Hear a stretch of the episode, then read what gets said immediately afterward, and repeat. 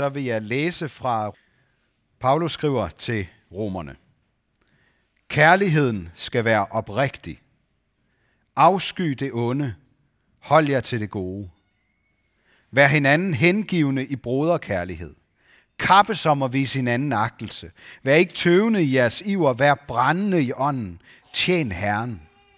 Vær glade i håbet. Udholdende i trængslen. Vedholdende i bønden. Vær med til at hjælpe de hellige, når de har behov for hjælp. Læg vægt på at være gæstfrie. Velsign dem, der forfølger jer. Velsign og forband ikke.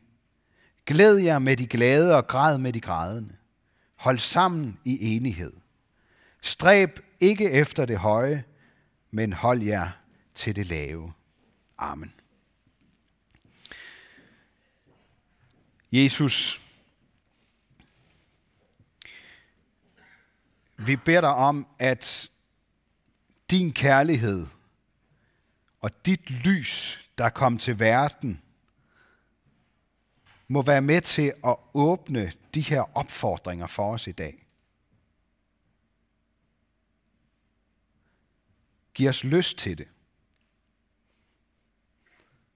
Giv os lyst til at være noget for andre, fordi du var så meget for os og alle mennesker. Amen.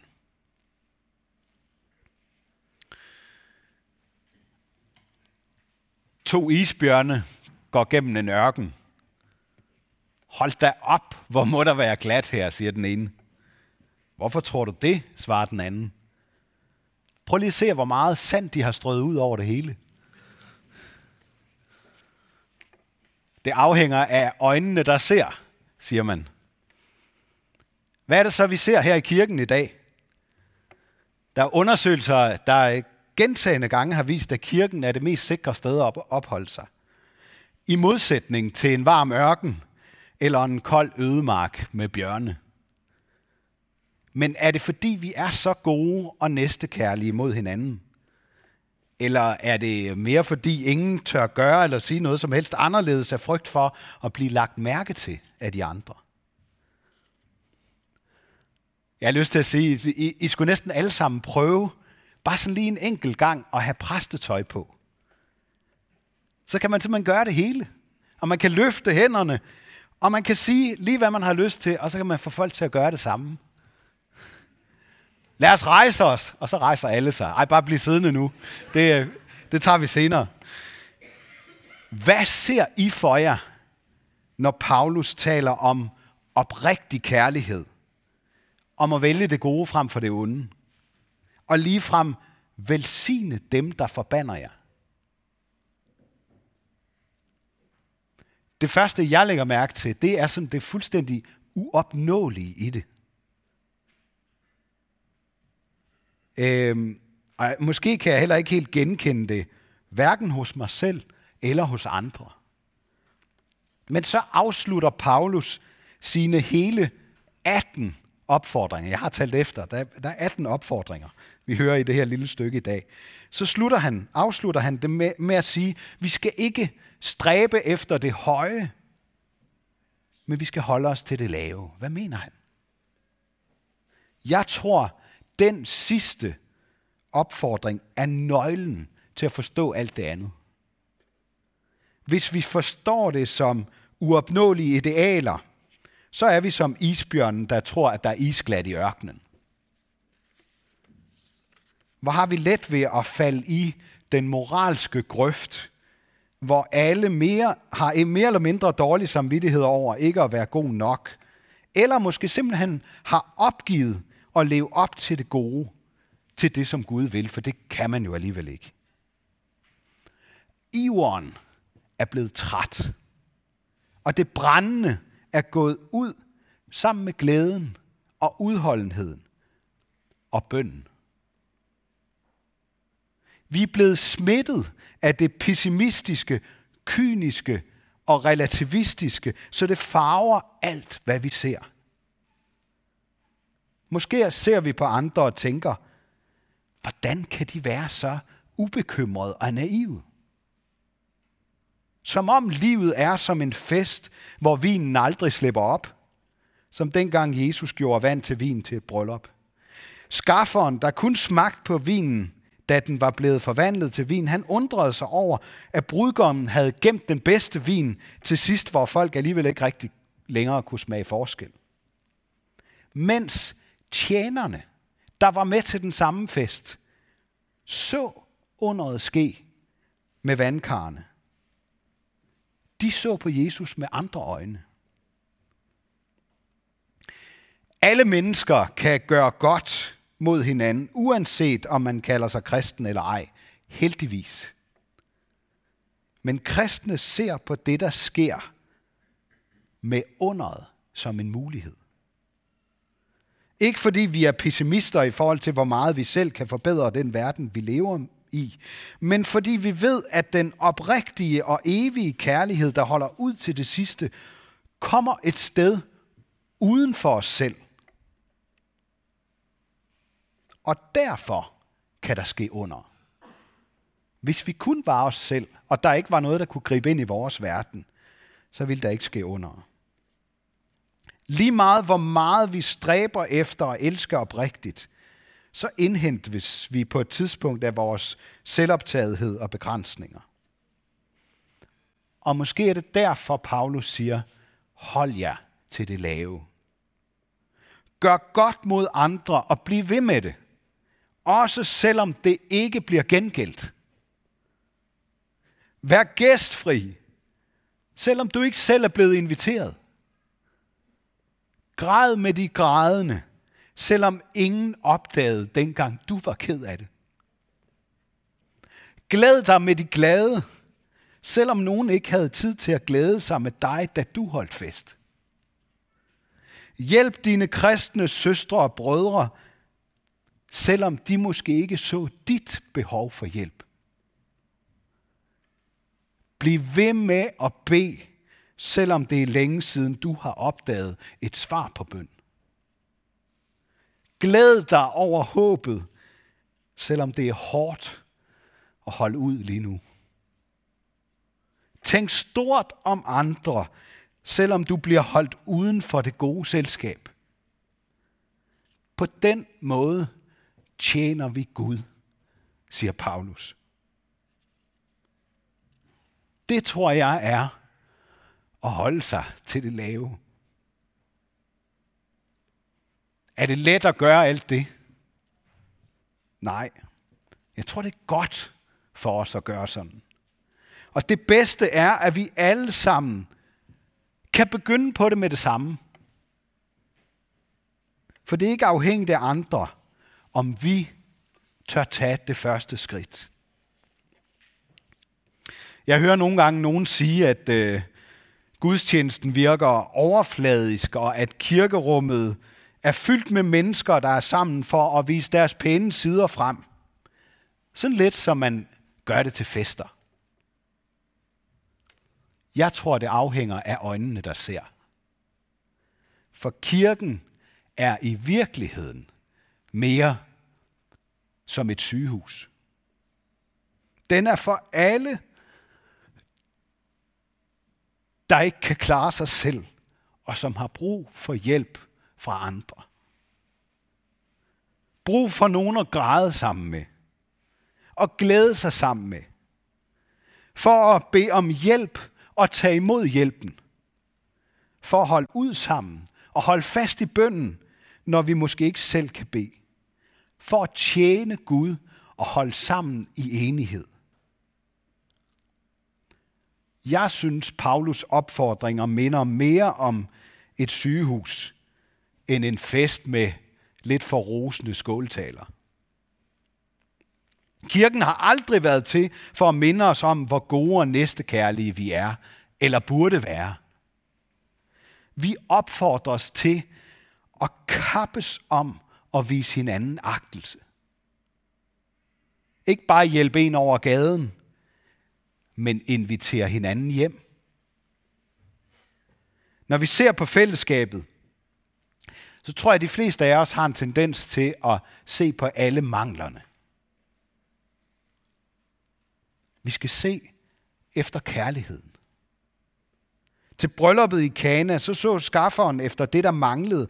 Men det overraskende i, at den bedste vin kom til sidst. Vi må også gerne overraske hinanden og kappes om at gøre godt og være imødekommende. I øh, bykirkens første tid, der havde man et begreb, der hed første hilser. Måske har jeg fortalt det til nogle af jer. Det gik ud på, at man kappedes om at være den første til at hilse på dem, man ikke kendte i forvejen. Man konkurrerede om at hilse først. Det, det er jo sådan helt utrolig banalt og lavpraktisk. Ikke? Hold jer til det lave. Tag selv det første skridt. Jeg håber også, at øh, de fleste af jer har oplevet sådan et, et godt teamsamarbejde, som man nogle gange kan støde ind i, hvor man kæmper om at melde sig til det, der er brug for. Ikke sådan tøvende, ah, det kan jeg da godt, men ivrigt. Igen, så er det øjnene, der ser forskelligt på det. Hvem tager chancen? Eller hvem griber muligheden for at gøre teamet eller fællesskabet bedre? Som jeg hørte en sige for nylig, så er vi i høj grad de valg, vi selv træffer. Og i dag der får vi hele 18 muligheder af Paulus for at vælge noget godt. Som her forleden, hvor jeg overraskede min søn Anton med ikke at blive vred over, at han væltede et glas juice på bordet. Det øh, vil jeg godt være alle indrømme, det plejer jeg ellers. Men lige den her gang, der valgte jeg anderledes. Og det er sjovt, som han lagde mærke til det. Han har snakket om det flere gange. Og, og jeg ved ærligt talt ikke helt, hvor det kom fra. Fordi min rygmavsreaktion, den var noget andet. Der er noget meget sandt i, at vi er, hvad vi vælger. Især hvis vi husker, at Gud har valgt os først. Og det vigtigste valg, vi overhovedet kan træffe i hele vores liv, det er at svare tilbage på hans kærlighed. Vores syn på verden påvirker, hvad vi ser. Er Bibelens vejledninger begrænsninger, eller er det de bedste muligheder for at leve det gode liv? Er Paulus opfordring, opfordringer påbud eller inspiration til os? Er de regler, der binder, eller er de frihed til at vælge det gode? Når man læser i Nytestamentet, så virker det som om, at øh, Paulus kunne finde på at blande sig i stort set alt, hvad der foregik i menighederne. Var det dyneløfteri, eller var det omsorg? Lyser Guds bud som Moses ansigt, da han havde set Gud bagfra, mens Gud i sin omsorg beskyttede ham med sin hånd? Eller ser vi på budene som forældede og meningsløse begrænsninger? Får vi øje på kærligheden bag dem, omsorgen og de gode rammer for det gode liv? Afhænger det af øjnene, der ser, om vi tænker alkohol, magt, rigdom, karriere og sex som gaver eller fristelser? At Jesus var med til et bryllup, med rigeligt vin. Det fortæller os, at alle hans gaver kan bruges til noget godt, hvis vi bruger dem efter hans vilje. Han brugte sin magt og sine muligheder til at gøre godt mod andre. Det skal vi også gøre, selvom vi ikke kan gøre vand til vin. Vi skal holde os til det lave. At vi skal holde os fra at drikke os fra sans og samling, og sikre os, at vi har gode, forpligtende rammer, før vi giver os hen til hinanden og lever sammen som ægtepar. Det er for at undgå, at vi kommer til at skade andre og os selv. Det er ikke begrænsninger, men det er omsorgsbud fra Guds side. At vi skal øve os i at give penge fra os, mens vi ikke har så mange af dem. Og vi skal Bed Gud om at lede os i de små beslutninger i livet. Det er for, at vi ikke skal blive fanget i rigdommens fælder og ende med at tro, at vi selv har æren for alt og selv kan overskue de store beslutninger i vores liv. Og så her til sidst, og måske det vigtigste. Vær brændende i ånden. Tjen Herren. Hvad er det, der skal få os til at brænde? Ikke begær som dem, der ikke tror på Gud. For begæret ser kun sig selv og sine egne behov. Den brændende passion ser de andre. Ser, hvordan man kan gøre godt mod andre. Hvordan man kan vise den anden agtelse og hengivelse. Eller man kunne kalde det en iver efter at gøre den anden glad. Det gælder både i venskaber, familier og ægteskaber. Ja, alle former for fællesskaber, hvor vi øver os i at se hinanden som gaver i stedet for begrænsninger. Jeg ved ikke, om nogen af jer kan huske den der ølreklame med sloganet Øl gør kvinder smukke. Jeg tror, det var Tuborg eller et eller andet. Øh, det kan jeg jo godt sige, fordi det, det findes jo ikke så meget mere. Det er Carlsberg det hele nu. Nå, men, men det var, der er en mand, som sidder og, og drikker en øl, og for hver slurk han tager, så, så, så bliver kvinden, der sidder over for ham, smukkere og smukkere.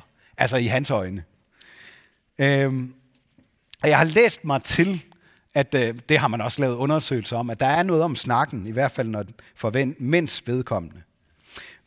Det jeg vil opfordre til, det er at drikke noget andet.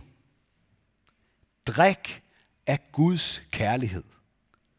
For jeg har oplevet og hørt fra mange, at hele Bibelen og alle bud og formaninger forandrer sig, når vi drikker af Guds kærlighed. Hvis vi lader os fylde af hans ånd, så sker der noget med vores syn på verden. Vi kommer til at se anderledes på os selv og på andre. Drik af Guds kærlighed, når vi om lidt får den serveret heroppe i koncentreret form til nadveren, der skal minde os om den mest oprigtige kærlighed, der nogensinde har gået rundt på to menneskeben i vores verden. Jesus elskede, som ingen af os kan gøre det. Og det er hans kærlighed, der holder os sammen i en skøn forening af forskelligheder. Vi behøver ikke at mene det samme om alt, så længe vi drikker af den samme kilde, kærlighedens kilde, mens vi prøver på og hjælper hinanden med at forstå Guds kærlighed, kærlige omsorg bag Bibelens verdensbillede og vejledninger. Det afhænger af øjnene, der ser. Og Gud ser på os med Jesu kærlige øjne. Vi er i al vores skrøbelighed attraktive og smukke i hans øjne. Uanset hvor meget vi forstår eller om magter at efterleve hans kærlige bud. Kun med det udgangspunkt har vi mulighed for at få øje på kærligheden i de ord, som Paulus har mindet os om her i dag. Ære være Gud, vores far, der har skabt os unikke i sit billede. Ære være Guds søn, der tog vores straf, så vi får lov til at leve i frihed. Ære være Helligånden, der gør Guds kærlighed levende for os.